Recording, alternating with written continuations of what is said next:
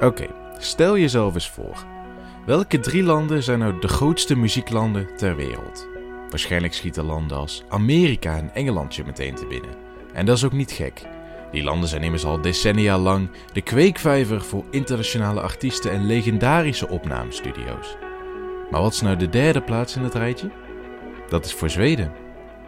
Toen ik dat voor het eerst las, vond ik dat best een eye-opener. Een land met slechts 11 miljoen inwoners dat kan concurreren met het grote Amerika in de muziekwereld?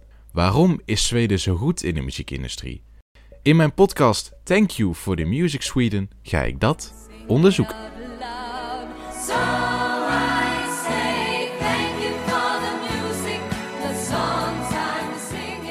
Oké, voordat ik in mijn zoektocht duik, eerst even het beeld schetsen.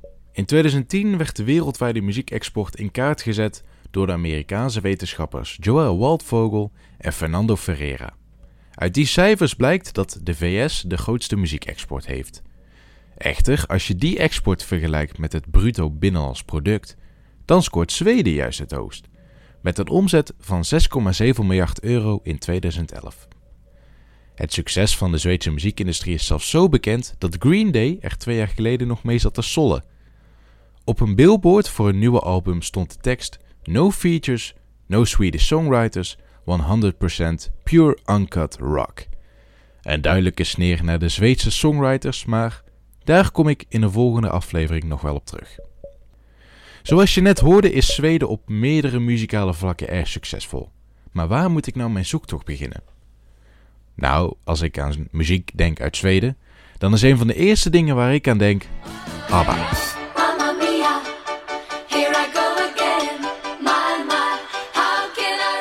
De Zweedse band was goed voor 8 nummer 1 hits in Nederland en verkocht meer dan 400 miljoen platen. Het is dan ook niet gek dat ABBA een enorme fanbase heeft. Misschien kan die fanbase mij ook verder helpen. Nou, ik ben te gast eh, bij eh, Franklin van Liemt, lid van de internationale ABBA-fanclub. Hij noemt zichzelf een eh, bescheiden ABBA-fan. Maar ik heb, terwijl ik hier rondloop, al stiekem wel wat merchandise-itempjes gezien. telefoonhoesje en albums op het eh, toilet. Dus eh, ja, we gaan het... eh, nou, Franklin, jij bent lid van de eh, internationale ABBA-fanclub. Dan weet je vast wel hoe groot ABBA in Nederland is. Ja, dat wisselt wel met, met, met de jaren. Het halverwege de jaren tachtig was er eigenlijk helemaal geen belangstelling meer voor ABBA. En net op dat moment is er in Roosendaal een fan geweest die zei van... nou, ik, we, we vallen in een gat als het ware nu ABBA niks meer uitbrengt. Dus ik ga een fanclub oprichten. Dat zijn destijds Helga en Anita geweest. En die zijn, ondanks dat het begin best moeilijk was, zijn zij echt stug doorgegaan. Ja, tot ineens in de jaren negentig weer een enorme opleving kwam als eerste toen ABBA Gold verscheen. Dat, eh, dat, die cd die staat nu nog steeds in de albumhitlijsten.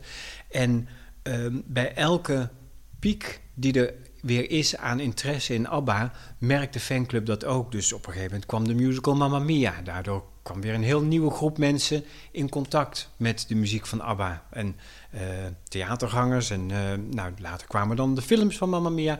Dus uiteindelijk Zodra er belangstelling is voor ABBA, dan schieten weer de, de aanmeldingen voor de fanclub omhoog. Maar dat neemt geleidelijk aan ook weer af op het moment dat er weer iets minder rond ABBA te doen is. Hoe spreekt de muziek van ABBA jou dan aan? Ja, ik ben, het, ja, voor mij is het toch vooral ook nostalgie. Dat kun je je niet voorstellen. Maar, maar ik zat destijds top op te kijken. Dat was het popprogramma wat we in Nederland hadden. En uh, daar zag ik op een gegeven moment vier mensen rond een haardvuur een liedje zingen. En ik vond dat leuk. En uh, dat was Fernando. Dat was eigenlijk mijn eerste kennismaking. En op een gegeven moment zie je ze steeds in datzelfde programma weer terugkomen. En uh, nou, iedere keer kreeg ik dan het singeltje. En met mijn verjaardag kreeg ik de LP. En nou ja, en uiteindelijk, ik realiseerde het me eigenlijk niet. Maar pas jaren later, toen dacht ik, toen met die fanclub, toen, toen ik daar op een gegeven moment over las. Ik dacht van nou, fanclub gaat wel heel ver.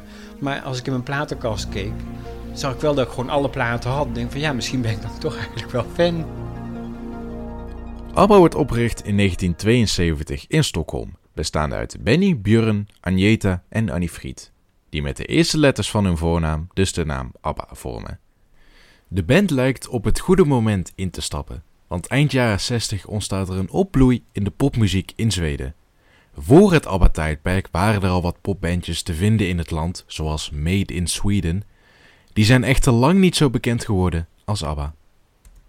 Het ontstaan van de band is eigenlijk te danken aan één man, manager Stig Andersson. Hij richtte in 1963 platenmaatschappij Polar Music op.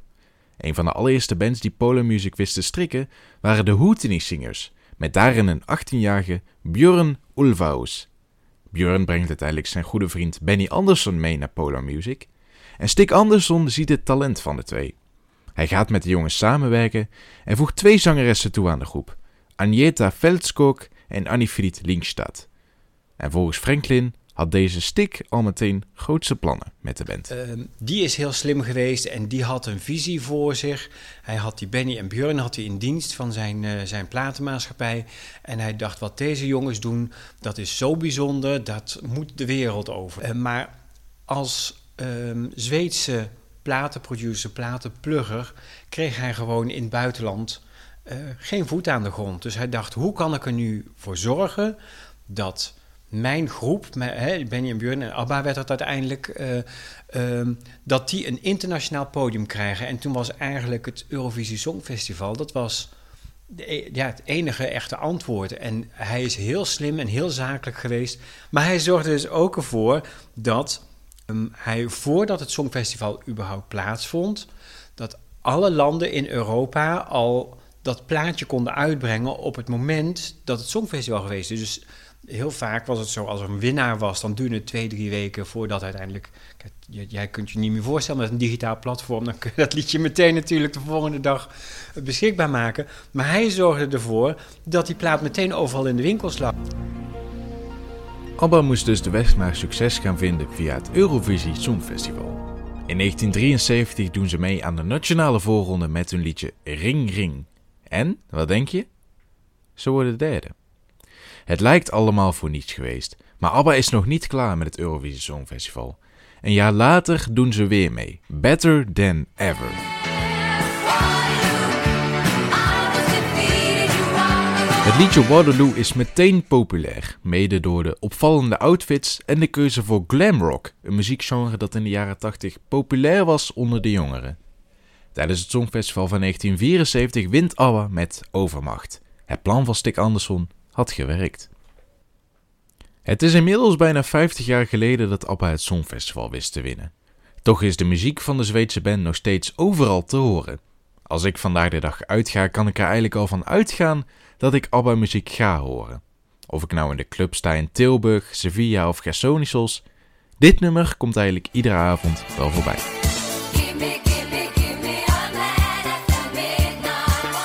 Het is best bizar om te bedenken dat een band uit Zweden uit de jaren 80 nog steeds wereldwijd zo populair is. Maar Franklin heeft er wel een verklaring voor. Ik denk waarom die muziek nu nog steeds aanspreekt. Het is melodisch, het is meer stemmig, er zit ook een soort melancholie in. Ik denk dat het ook heel veel verschillende culturen daardoor kan aanspreken. Het is niet typisch Scandinavisch, het is ook niet typisch Engels. Ik denk ook dat je best wel kunt zeggen dat hier en daar wat slager invloeden. Dus op die manier, eh, op een gegeven moment hebben zij hun nummers ook in het Spaans opgenomen, om de Spaanse markt. Ja, dan heeft het daar toch ook ineens aansluiting. Dus goede muziek, maar er zat ook een heel goede eh, goed businessplan achter qua marketing om te zorgen dat die goede muziek ook zoveel mogelijk mensen kon bereiken. De voor eerstvolgende generatie, hoe gaat die dan in aanraking komen met ABBA? Laat ik zo vragen, hoe ga ik mijn kinderen kennis laten maken met ABBA? Kijk, je merkt wel dat die muziek die is nog steeds overal te horen. Wat je zegt, in een club wordt het gedraaid. Je ouders draaien het. Je hoort het nog voortdurend op de radio. Kijk in de top 2000. Nou, hoeveel mensen luisteren niet naar de top 2000 eh, tussen kerst en oud en nieuw? Iedere nieuwe generatie zal weer in contact gaan komen met de muziek van ABBA. Ook al kies je zelf niet bewust voor, je hoort het toch overal. Daar, die muziek is inmiddels zo ingeburgerd. Ben je in Albert Heijn, dan hoor je daar ook de muziek over de speakers. Dus dat is inmiddels gewoon ja, goed geworden. Dus ehm, ik denk dat jij geen moeite hoeft te doen om de nieuwe generatie ABBA te laten horen. Dat pikken ze vanzelf een keer ergens op. En dat gemeengoed van ABBA, dat komt nog altijd op verschillende manieren onder de aandacht. De Mamma Mia musical krijgt in 2008 een verfilming en drie jaar later een vervolg. Goed voor 956 miljoen dollar. Ook verschijnen er talloze coverbandjes, komt er een ABBA museum en komt er het project ABBA Teens. Een popband voor kinderen die ABBA-muziek in een wat jeugdiger jasje giet.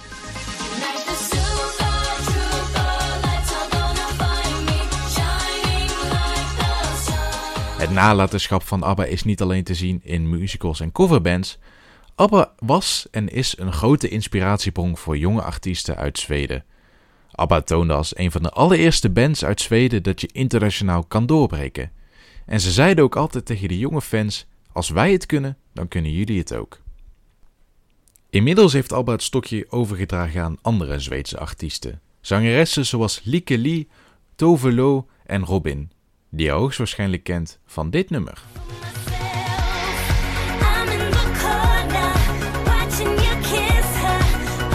Die succesvolle stroming van jonge Zweedse popzangeressen, die heeft ook een naam gekregen. Scandipop. Want ja, het Zweedse succes in de pop sijpelde door naar de andere Scandinavische buurlanden.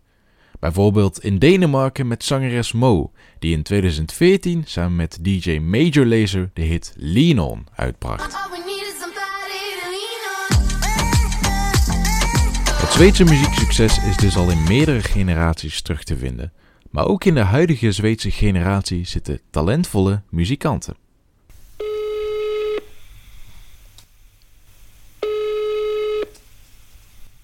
Hi, Hi, hi Lynn, how are you? How are you? I'm great. Dit is Lynn Survel, pas 21 jaar, maar nu al een ervaren singer-songwriter. Bij deze een van haar laatste hits, Nobody.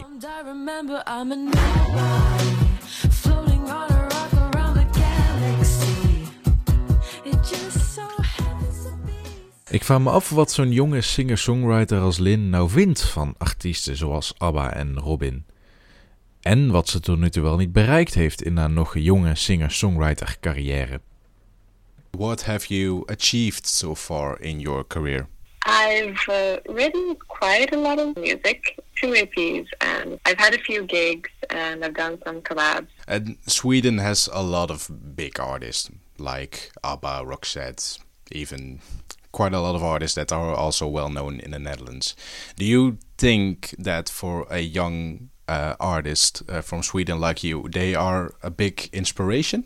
Oh yeah, absolutely. I mean, uh, those uh, artists that you uh, mentioned, I mean, they, they've reached like a legendary status almost, and it's crazy to think that like there are really big artists that have actually made it abroad, and I think that's very inspiring. However, it feels almost like maybe a bit difficult to relate to, and as an independent at the start of a career artist, uh, for me at least, I get more inspired by maybe smaller artists in Sweden who are up and coming, or maybe even uh, completely unknown, because I feel like maybe I can relate to them a bit more.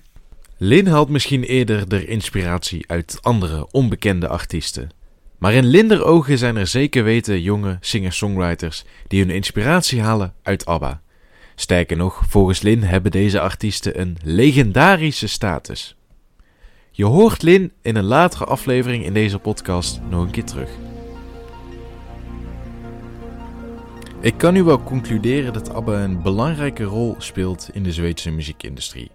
Met een strategisch plan van de manager en met muziek die vandaag de dag nog steeds populair is, zal ABBA een legendarische band blijven en een inspiratiebron voor muziekmakend Zweden. En dat allemaal dankzij de overwinning van Zweden op het Songfestival in 1974. Maar voor Zweden bleef het niet bij die ene overwinning.